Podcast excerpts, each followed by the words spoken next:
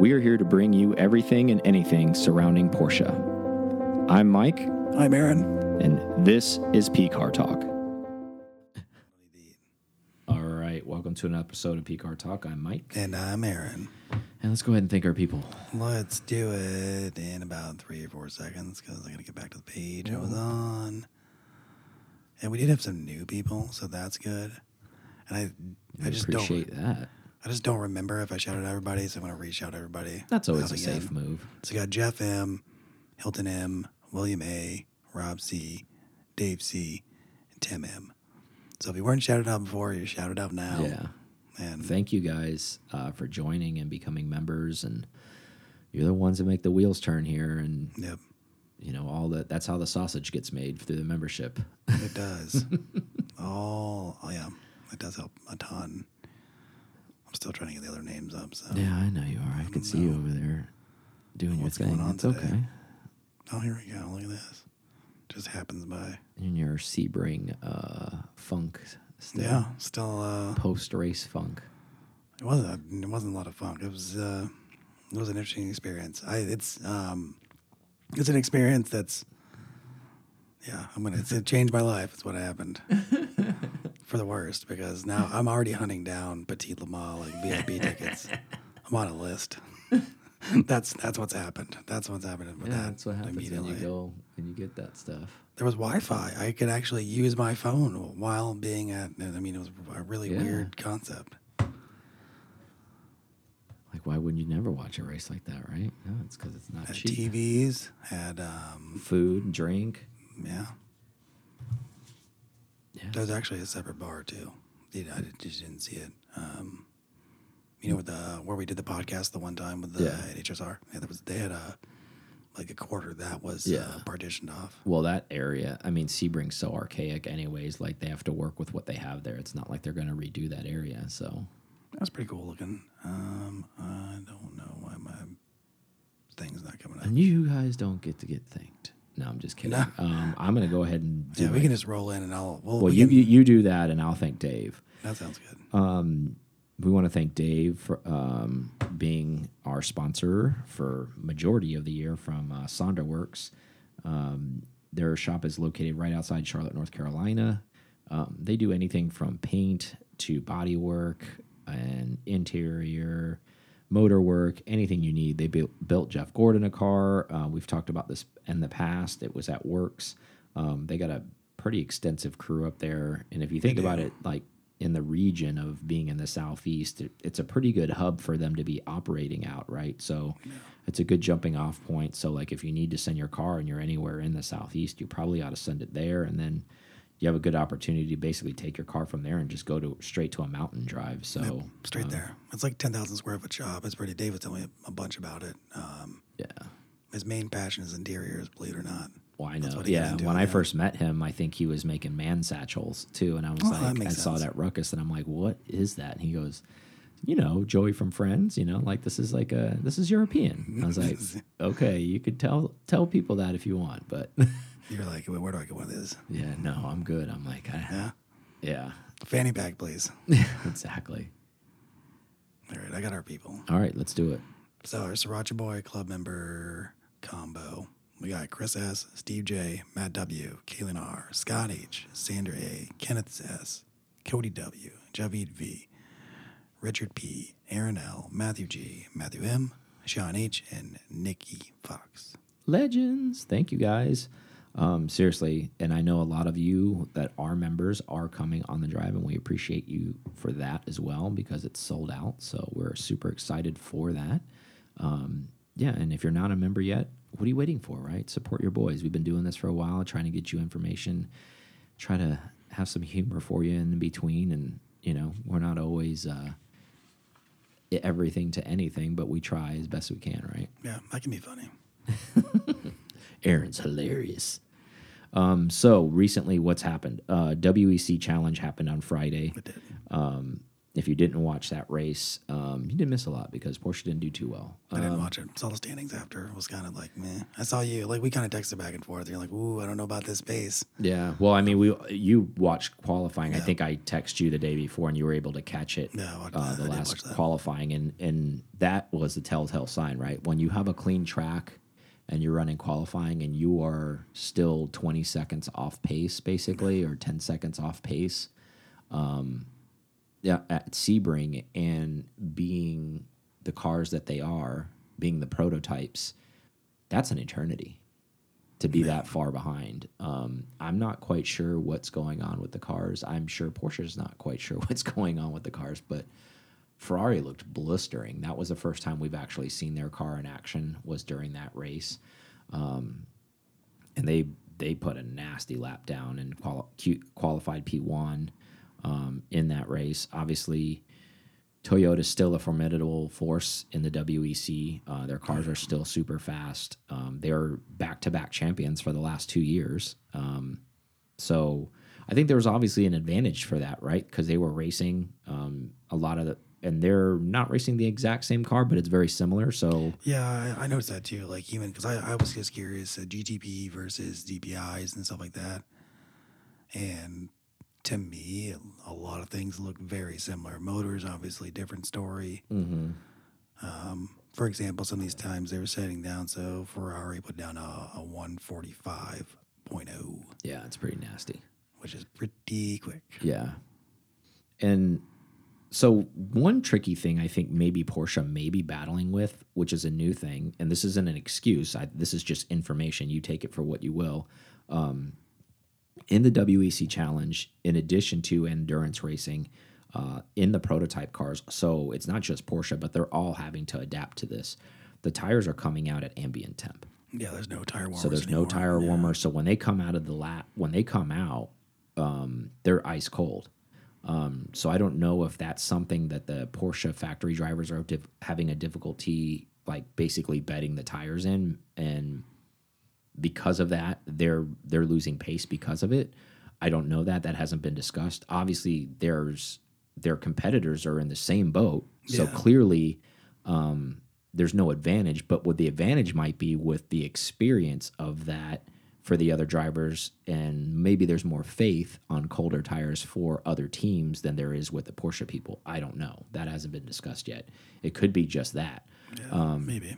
That looked like the, the the gap for the fastest one Lawrence was in, and Kevin and Andre was like 2.1 Yeah. over the, and at least for qualifying. And then it went all the way down to a 4.2 second gap with, um, But yeah, like during an endurance race, like it just they just keep getting. I mean, that just stretches each lap. It stretches. You know, you do two seconds here, two seconds there, and that you know after a hundred laps, you're you're damn near a lap down, um, which seems strange. And hopefully they'll get it they'll get it um, figured out. A- another thing I think that could be a bit of a reason. Um, most of the most of the competitors are running a Dallara chassis um, meaning like that's a chassis maker for these for the prototype cars. Porsche is kind of a, a standalone on theirs. Multimatic is making their chassis, so it hasn't been said yet. It might be too early to say, but maybe that's part of it too. The Multimatic chassis is not performing that the the way they had hoped, um, or they're still trying to figure out the car, even though they've bragged about how many test miles are on the car. yeah, that's, that is, that is kind of the befuddling thing. And we kind of talked about a thousand kilometers, I mean, thousands of kilometers on these cars, and yet, Yeah, it kind of bit them in the But- ass, right? Talking about that because it doesn't really show that they have all. I mean, I'm not saying they're lying about the time put in the car, but like we talked about this as well.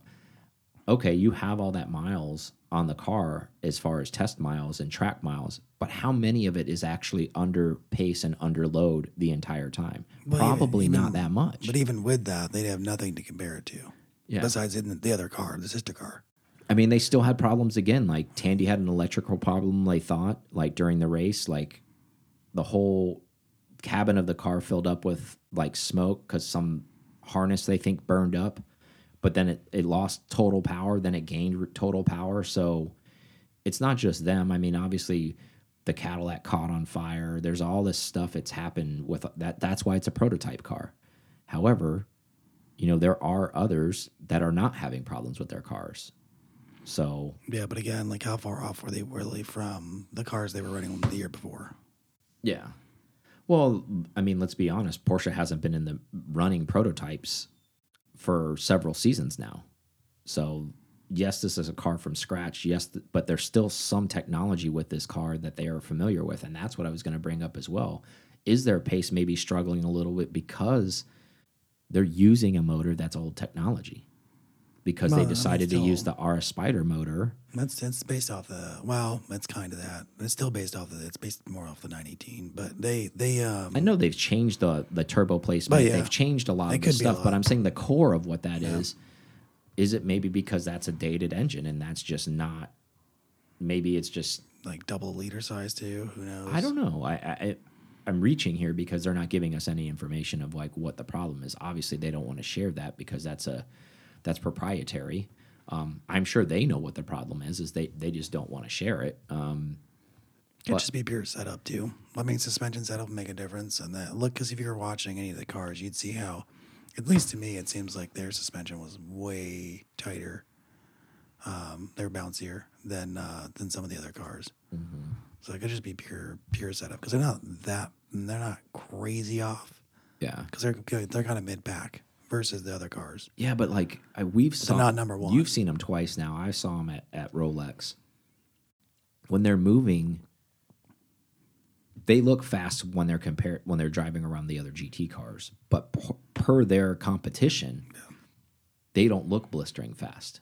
You know, like when the Cadillac comes through, or maybe the Toyota comes through, those look those and the Acura comes through. It's like wow, that's that's you can almost tell that's pace. Yeah, Um, I would say at times Porsche does look like that, but I almost feel like they're hunting, like during the race, like hunting for like where the comfortability is what I mean, like for the whatever driver it is. Like I feel like none of them are comfortable in that car. You know, like there's not somebody who gets in that ca car like Kevin Estre used to be like, oh, what if Kevin Estre gets in the car, basically, you know, at the Nurburgring, it's going to be on. Yeah. You know, like that kind of drive. They don't. I feel like none of the drivers they don't put them in the car and like, okay, we lost a little bit of pace, but you know, you know, Jaminet is going to be in the car and he's going to go destroy and he's going to catch us back up. Like I almost feel like none of them. There's no home run guy now. Like I heard a nickname for Jaminet.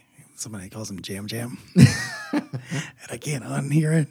So that's kind of funny. Um, And then, yeah, I, I agree with that. That's just they do look a little slower, and but the those the drivers you named have never been in any type of Yeah, like fast fast prototypes before, and I, maybe that is it. it could be. Only two races in, Yeah. and they're not. It's not like they're little tracks; they're big boy tracks. Yeah, tough tracks. I know. I'm just saying it's just kind of strange that you know. that speed difference between I mean, this GTB Philippe car. Oh, Nasr, like he's yeah. been in Formula One cars, Yeah. you know, so it's not like he's not accustomed to speed. well, and know. he was also up there. uh, Well, I'm saying of all the drivers, he was probably the only one it was even keeping them in contention. I feel like most of the time when he was in the car, I think the car was running third most of the time, you know, minus any type of issues.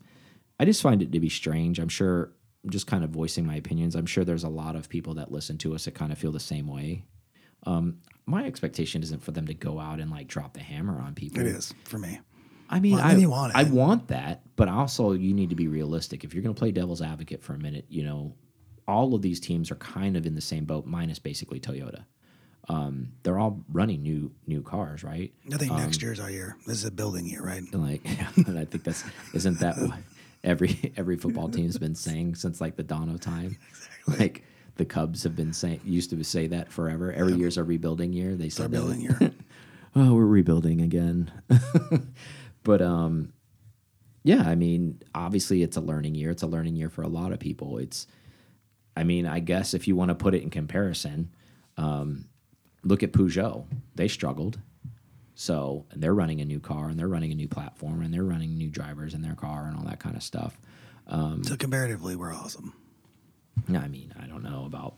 I guess we're middle of the pack. I mean, I wouldn't say we're awesome. I, from a speed perspective, it looked like the BMWs were actually faster this race than us in the WEC Challenge. Um, From a from a speed perspective, um, and they're a brand new chassis, just like us. They struggled more than we did at at Rolex, um, but it seemed like they made ample corrections for their cars this time Those around. giant kidney rolls. I don't know how they didn't how they could do anything.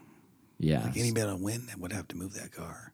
and then you know we learned some stuff let's move in let's transition in the sebring um, you were there that's so that was. the following day you want to go ahead and thank clearwater porsche for your Well, vip tickets Thanks. Thanks Clearwater Porsche. I think I think I think they meant a text, but yeah, I'll do it officially. no i know um, so you were there in person it was a good race right It was good. It was good. It was way better weather than forecasted, which is yeah it was calling for rain but like it didn't eighty or ninety percent chance. Yeah. And then all Yeah. of a sudden it just dissipated. like basically blew different way yeah.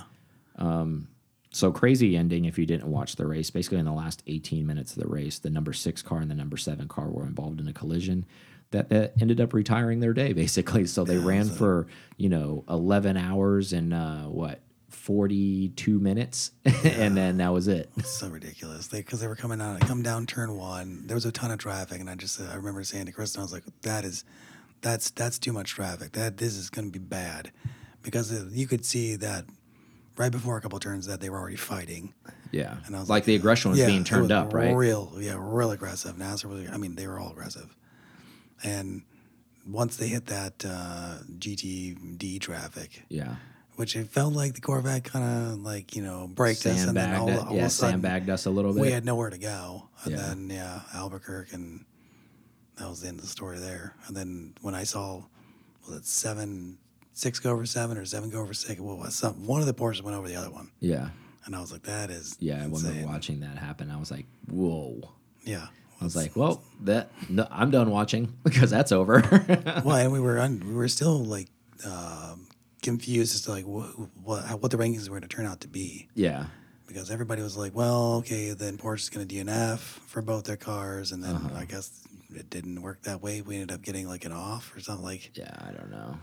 So strange how they ended up doing that. Um, and then also with Sebring, because that's an IMSA race. Um, if you didn't realize during that race, um, there were a lot of penalties dished out. Um, and the reason behind that, because of Wayne Taylor Racing back going back to Daytona, ha getting a little bit of cheating faux pas on them, they got their hand slapped. So they had to fire an engineer because they were screwing with tire pressure. Apparently, they didn't know that was happening, so they got fined. They got to keep the win, but you know, I I watched from home, so the IMSA chairman came on during like one of the commercial breaks and talked about that. Yeah. And I think that was a reflection because I on this race, I've never seen so many penalties issued during an IMSA race. Um, so it was probably a hypersensitivity to everything, meaning there were people, if you took one less liter, you had a drive through penalty. If you had this, you were getting, there were people getting penalties on everything in all the classes. Um, so I think because of what happened at Daytona, the entire field got to feel that where maybe something would have been One person as- ruined it for everybody. well, as fans, we probably don't know. I mean, how who's going to talk about? Oh, the Mercedes team took half a liter less fuel this time around, and they're going to be penalized. Like in the past, maybe they wouldn't have ran a penalty on them, um, and we would have been none the wiser because it wouldn't have been discussed. But because everybody was getting a penalty, the announcers were discussing it. So I mean, there were, and they even made a point of it. They're like, I've never seen this many drive-through penalties. I've never seen this many penalties come through. Um, there was also a blocking penalty, I think, that Romain Grosjean got for blocking out um, Townsend in the in the Lexus like mid race. Like he he and it was called a deliberate like blocking move. So he had a drive through penalty. Um, you know, and now most people think, well, that's racing. Well, you know, when you go out, he was going, safety. yeah, he was going outside of the racing line to try to block him. Uh, and on the replay, it was crazy. It basically he he did it twice. He was on the inside lane coming down, um, going across the finish line, and then going down into one. So he went all the way to the right, and then went all the way to the left to block him through, like on both sides, so he couldn't get by. Um, so he got a penalty for that. But uh, I'm just mentioning penalties just in general because I've never seen that many, and I think it has to do everything from the the whole like issue that from the cheating with the tire pressure back in Rolex. So I think there's even more stringent in a good way, Yeah. like on everybody. So if like if you're something minor that you think you're going to get dinged for, basically. Speaking of penalties, there was less BOP on on the Porsches this time, and look at the result. Look Yeah, what happened. exactly. And then, yeah, since we're talking about stuff like that, um, you know, congratulations to Vanthoor and the Pfaff Motorsports team for taking first in their class. Um, I think Wrights was in a good position to win a, win their class too until they had a tangle with the Mercedes that was in their class, and you know the Porsche went into the wall. That car lost an axle, and they they got a DNF because of that. So it hurt both of them because I think first foreman ended up finishing like 12th because of it or something like that, and they were running first. So I mean that you want to talk about detrimental. And that wasn't even out at the end of the race. I think that was at like the three hour mark, Yeah, and they still couldn't recover from that. So that just shows you how tight that class is. Like any mistake basically is your day's done in that class because I want to say of those cars, I want to say like 11 of them finished on the lead lap and they were only seconds apart and after running for 12 hours straight. So think about how perfect your day has to be to to podium in that class. Because they're running about 15 cars and if 11 of them are on the lead lap and they're all probably the slowest of the 11 is probably what 20 seconds behind car number 1. That's still pretty tight grouping Yeah. and you know mixed in with all the other traffic. Um And pit stops and all that other stuff. Yeah. It's gotta go well. Yeah, and so and then obviously, if you don't know, the WEC cars are different than the Sebring cars that ran at Sebring, meaning like the the prototype cars, and they didn't do much better. You know, like obviously we talked about the six and seven were gone at the end. I mean, they were fighting for most of the most of the match, um, but they still weren't dominant pace. Like when they had opportunities, they it they never ran away with anything. And if they were ever in first, if you're watching at home, that you know that was just a subject of other teams pitting at that time. So they would, you know, that's just a you know a pit change in the sense of, yeah, Porsche might be running one for a little while, but they're also going to have to pit also. So like right now, just because they opted not to pit for the next ten laps, they're going to be in first. But that's about the only time they were ever seeing the top spots. I think the spots they were driving for and earning, as you talked about, I think Nasr was carrying that car basically at third most of the time at best. Um, so that kind of put that there. It's, I mean, you know, it's growing pains. It's teething. It's it's one of those things that comes along with racing. I think, along with Porsche, and I'm sure Roger Penske. I mean, he's a winner. He's always been a winner. I'm sure this is driving him nuts. I'm sure it's driving Porsche nuts um, because there's a there's a zero tolerance. I'm sure in that paddock Yeah. for all of them. There's and and that unfortunately creates even more pressure, right? Like why are we And- not and why are we not podium? Yeah. Like why is this car not podiuming? You you guys are supposed to be the best. These are the best. Like what's going on? Like we have the best of everything. We have the best engineers. We have the best all of this. Yeah. What's the problem? That could be some other like some unseen stuff too. Oh, Like, I'm sure there's a ton of pressure going on. Yeah, that in general, outside of the learn the new car and be awesome. and I'm sure the car will eventually come to them, as the racers like to say. Oh, the car will come to us. You know, if you don't know what that means, is basically the car will start to settle down. They'll understand the car. It'll behave the way they're supposed. It's supposed to behave. I still think the car still isn't behaving under their expectations a lot of times. Like looks bouncy. yeah. like I said, looks bouncy. Looks looks looks like uncontrollable. Is what and and like. some of the power delivery doesn't look consistent either. And I'm sure it is, but I'm saying like from I don't know, I guess these guys that are driving it they they don't trust the car yet, right? And it seems like the other teams that have new cars too, I don't know if they just have a I don't care mentality that are driving it because it seems like they're driving the car like they trust it or maybe they're driving the car meaning other teams, they're driving the car um, recklessly. You know, we don't know we don't know if it's reckless because it looks controlled, but meaning like they're in the car and they're taking chances with that they probably shouldn't take, yeah, and the car is like sticking and it's doing its thing, and maybe the guys in the Porsche car are being a little bit more conservative, right? So well, that's that's a good thought. there's that. Um, let's take a quick break and we'll come back. Sure, let's do it. All right, we're back from break. So, rally season is upon us. Obviously, like we've launched our ra rally, it's uh, sold, but I mean, as far as they're starting to like pop up and happen, Ruckus Rally is happening in May. Uh, that's a Charles Stanley premier event. Um, so I got some new tires for that. Um, normally, I run a R triple eight R. Um, so I talked to our tire sponsor at Toyo. Um, I also did some research on my own before I went to him, so I didn't come to him blind. So that if if you don't know, the R triple eight R is a 100 tread wear tire, which basically turns into a slick very quickly. Um, we're down in South Florida. I'm driving up to the mountains a lot of times. These are usually good because I don't trailer the car for one rally, and that becomes more of a pain than anything. Not even like yes, there's a cost involved, but it's more of a, a nuisance. Yeah, meaning like you I got to well, truck and all that stuff. well, yeah, not even that. I'm talking about the wear, Oh, the just the wear tire, the yeah, the tire degradation. So what ends up happening is if I go to multiple rallies, um, and as we know, you know the the boogeyman word, supply chain issues, and all the stuff that there is out there, um, I may be stuck without tires. So I was like, okay, I'm giving you the story why I switched from 100 to 200 tread wear. I'm ready. So I was like, okay, I need to get a little bit more out of my tires. Like I, they got to last for at least more than one rally. In additional to that, the R triple eight Rs are horrendous in the rain. Like if it mists outside, you better not be on throttle or you're going to flip the back end of the car out. Um, so that was another issue because I'm traveling through multiple states. A lot of times I encounter rain, so it really puts me in a dangerous position, which I'm being foolish by doing that. But I have been driving with them. Just drive slower and more cautious. Yeah, but I mean, it is like Still dangerous. It's butt puckering while you're driving because you're just kind of like, oh, I just went through a huge puddle and like I know I didn't even feel any, you know, Any road contact? Yeah, Yeah. there was zero contact. You know, thankfully the car got back down on the ground. I'm in a boat and I'm yeah, back. exactly. So I went. I switched to a Toyo 200 wear the R1R. I asked Stan about it. He's like, I love that tire. It's a good tire. It's actually decent in the wet. Um, so I'm going to use that tire. Um, so I will report back on how that is. If anybody else is currently using that tire, let me know how you think about it. Um, it's not a new tire; it's been around.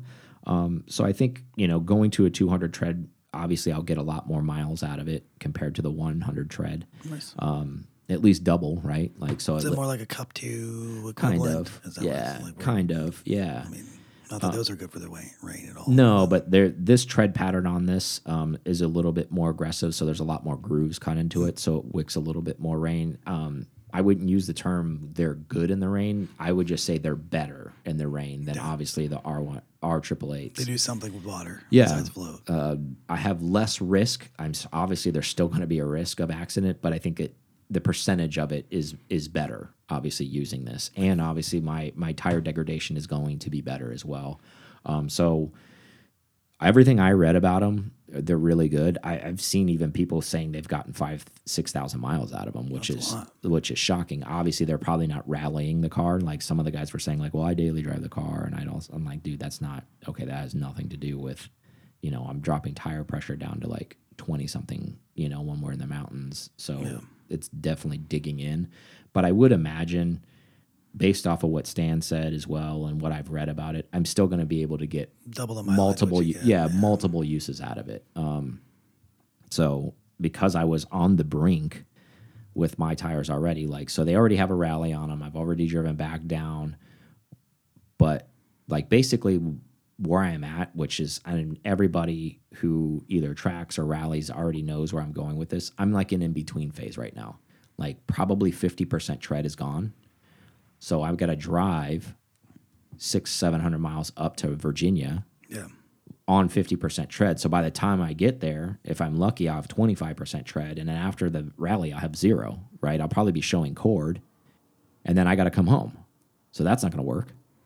Um, and obviously, you want to have more tread at the beginning of the rally instead of less tread. You want to be on the front half of tire degradation, not on the back half of tire degradation. yeah, yeah, you probably want that. Yeah, Exactly. more tread, the better. So I'm I was kind of in a in a pickle essentially. So that's why I went with what I ended up going with.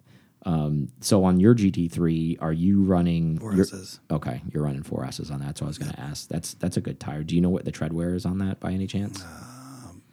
I'm sure we could look it up really fast. Yeah, probably could look it up. Yeah. I want to say it's But anyways, it- 200, like high 200s, yeah, maybe 300. maybe. Um, uh, speaking of treadwear, have you seen what the 3RS's treadwear is? What's the it's full tires? R compound, isn't it? It's like 80. Is it? Yeah, I think Yeah, that's it's crazy. you're running a 4S Yeah. all season, Uh, or is it? It should be, I it think should be summer 4S. tires. Yeah. PS4Ss. So it should be any moment now. Anyways, so Yeah. that's what I'm going to on mine. Um, and I'll report back and see what kind of our, you know, my general consensus is. I'm a little leery to be honest with you, um, but I I'm gonna roll with it. I mean, 200 can't be that bad. I just worry that I'm gonna go from a 100 and 200, and then I'm gonna I'm gonna throw it into something that I'm expecting it to hook, and it doesn't. That's my only fear. But I can't drive that way, so I'll just have to. You're gonna have to feel it out. It's Yeah. kind of like uh, the new 963. yeah. you got new things on there. You got a 300. 300 treadwear. So yeah, that's pretty good. So I'm It's more of a it's more of a normal street tire. yeah, I'm kind of in between. Um, and those are supposed to do pretty good in the wet too, right? You're the four Yeah, they're really good in the wet. They're like they're really good in the wet. and They're not supposed to be that far off of a cup two Yeah, on the drive. yeah. So like that's kind of why I went with this R1R because they're supposed to be decent in the wet. I wouldn't say great in the wet. I would say decent, and then they're supposed to perform pretty well on the dry, like almost like the hundred treadwear, but you're supposed to get more out of it. So again, going back to I'll, I'll let you know. To see like the suction cups with the with the extra wheels and tires in the back of it. Just like tick, tick, tick, Yeah, exactly. I got two sets, boys. Yeah. ready to go. So just recently, South by Southwest happened in Austin. Um, if you're not familiar with that, it's basically a huge mixture of fashion, technology, culture, um, art, all mixed together in one event. Um, there's multiple brands, like high level brands, that are there participating in the event. Um, it's a cool place. I haven't been. I'd like to go. It actually looks like it gets larger and larger every year.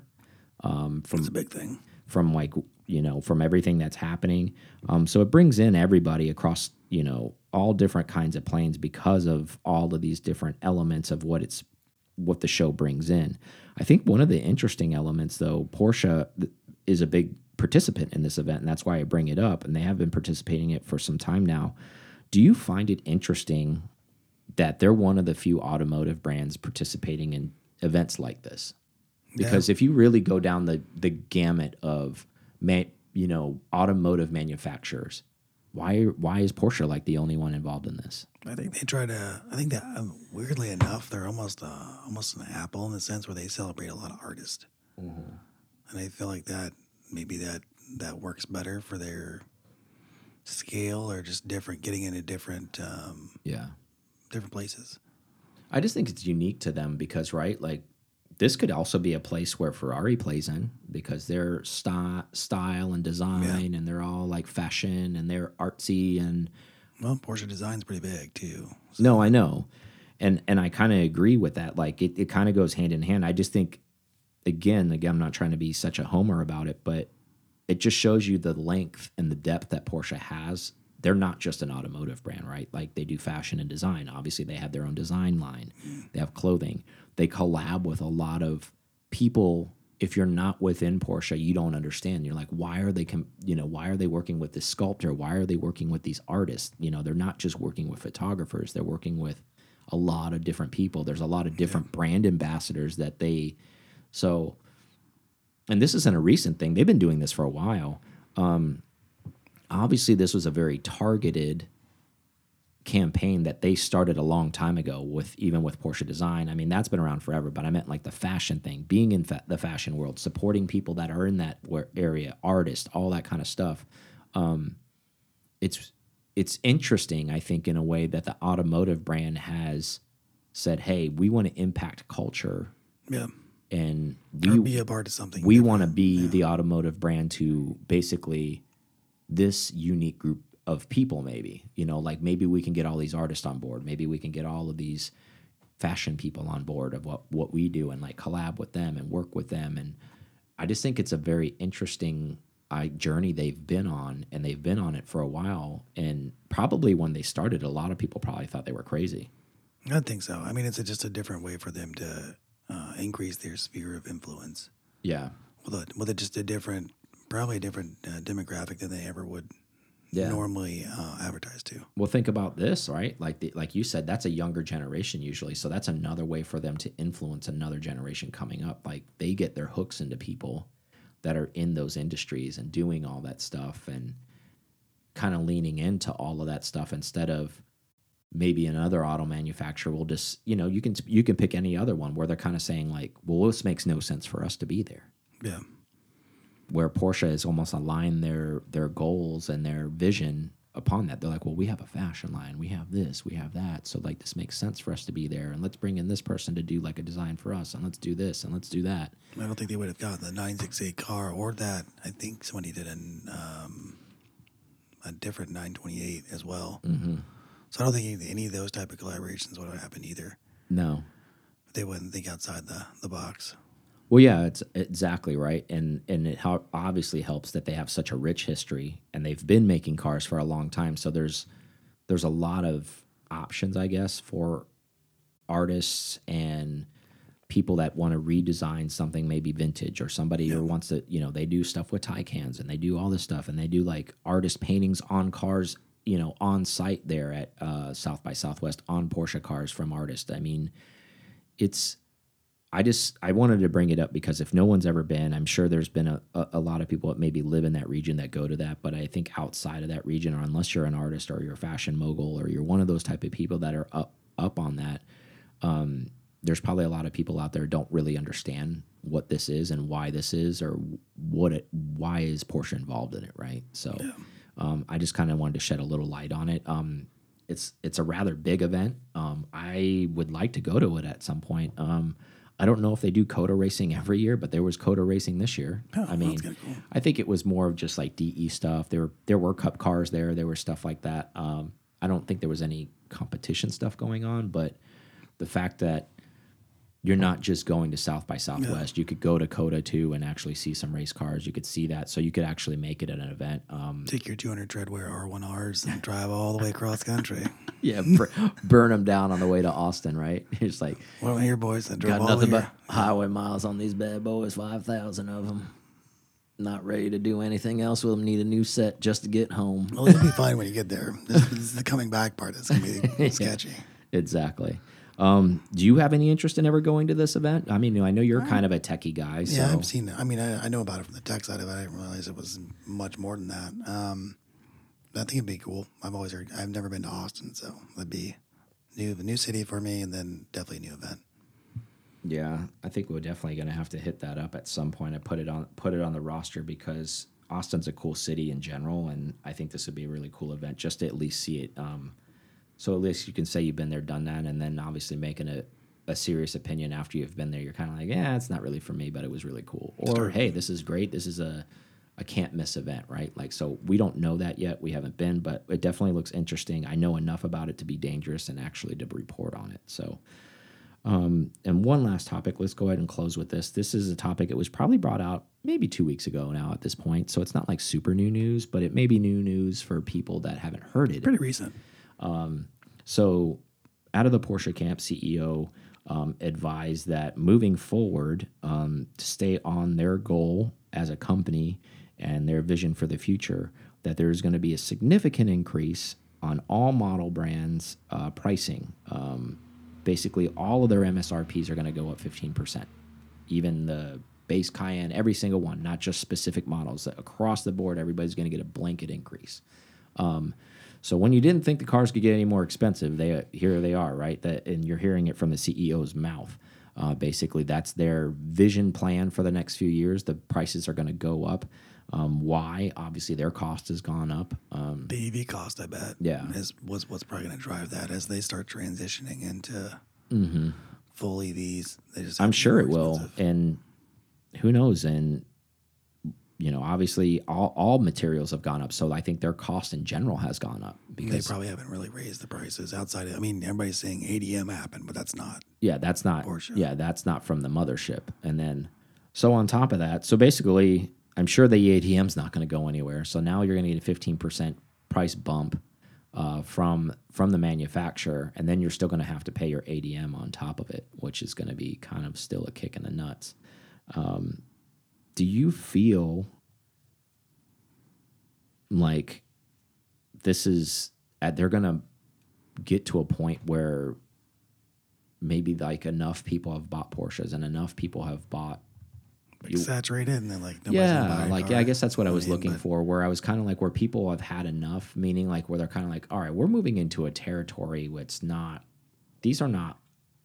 These used to be affordable. I mean, they've never been like super affordable, but they're also they've never been priced to where their counterparts are either. They're not they're not Lamborghini pricing. They're not at Ferrari Yeah. pricing. If, they're, if you're going to call it an exotic, I mean, which some people do. Um, yeah, and I then mean, it- if you actually consider it an exotic, then it's below pricing, right? So it depends on which the way you look at it. Mm. You know, there's some people that say, oh, well, they're like a BMW competitor or they're an Audi competitor. If that's the case, they're much more expensive. But right? they're looking at doing um, like uh, going head to head with the Bentley Bentayga and all that stuff Mm-hmm. as far as SUVs go um, in the future. So I would think they are. Maybe that's what they are aiming for. are you getting the feel, you know, just from all the stuff we've seen and also the release of this? Obviously, we're not new buyers right now, but we may be at some point someday. But are you catching the vibe um, from a cultural standpoint that they want to be in a price point where they are looked at as that next level where, hey, even if you have a Cayenne, meaning like even if you don't have a Turbo S and you don't spend two hundred Yeah. and something odd thousand dollars for it, um, where they're kind of like, oh my god, that's still a hundred and fifty thousand dollar SUV, like Yeah. like their base one or whatever. I think so, and I'll start separating them outside from Audi too, because if you look at it from the internals of Volkswagen, Audi, Porsche, Audi is close in pricing for a lot of stuff, and even close in design. I mean, obviously they share share stuff, Mm-hmm. um, but yeah, they give that a little bit more separation. Yeah, yeah. I I was kind of a little bit blown away by by that, but I. It's not a crazy amount. I mean, it's you're talking so it's sixty five thousand dollar car, so that's like what ten grand. yeah, I mean, so still still price bump. yeah. That's why there's Porsche financing, right? so Yeah, you can and afford the Porsche car, insurance so, you can afford like- the car. Just hop in the ecosystem. yeah, so they can insure the car. You can pay for the car. I I mean, it's Maybe maybe that's um eventually the subscription model will make sense.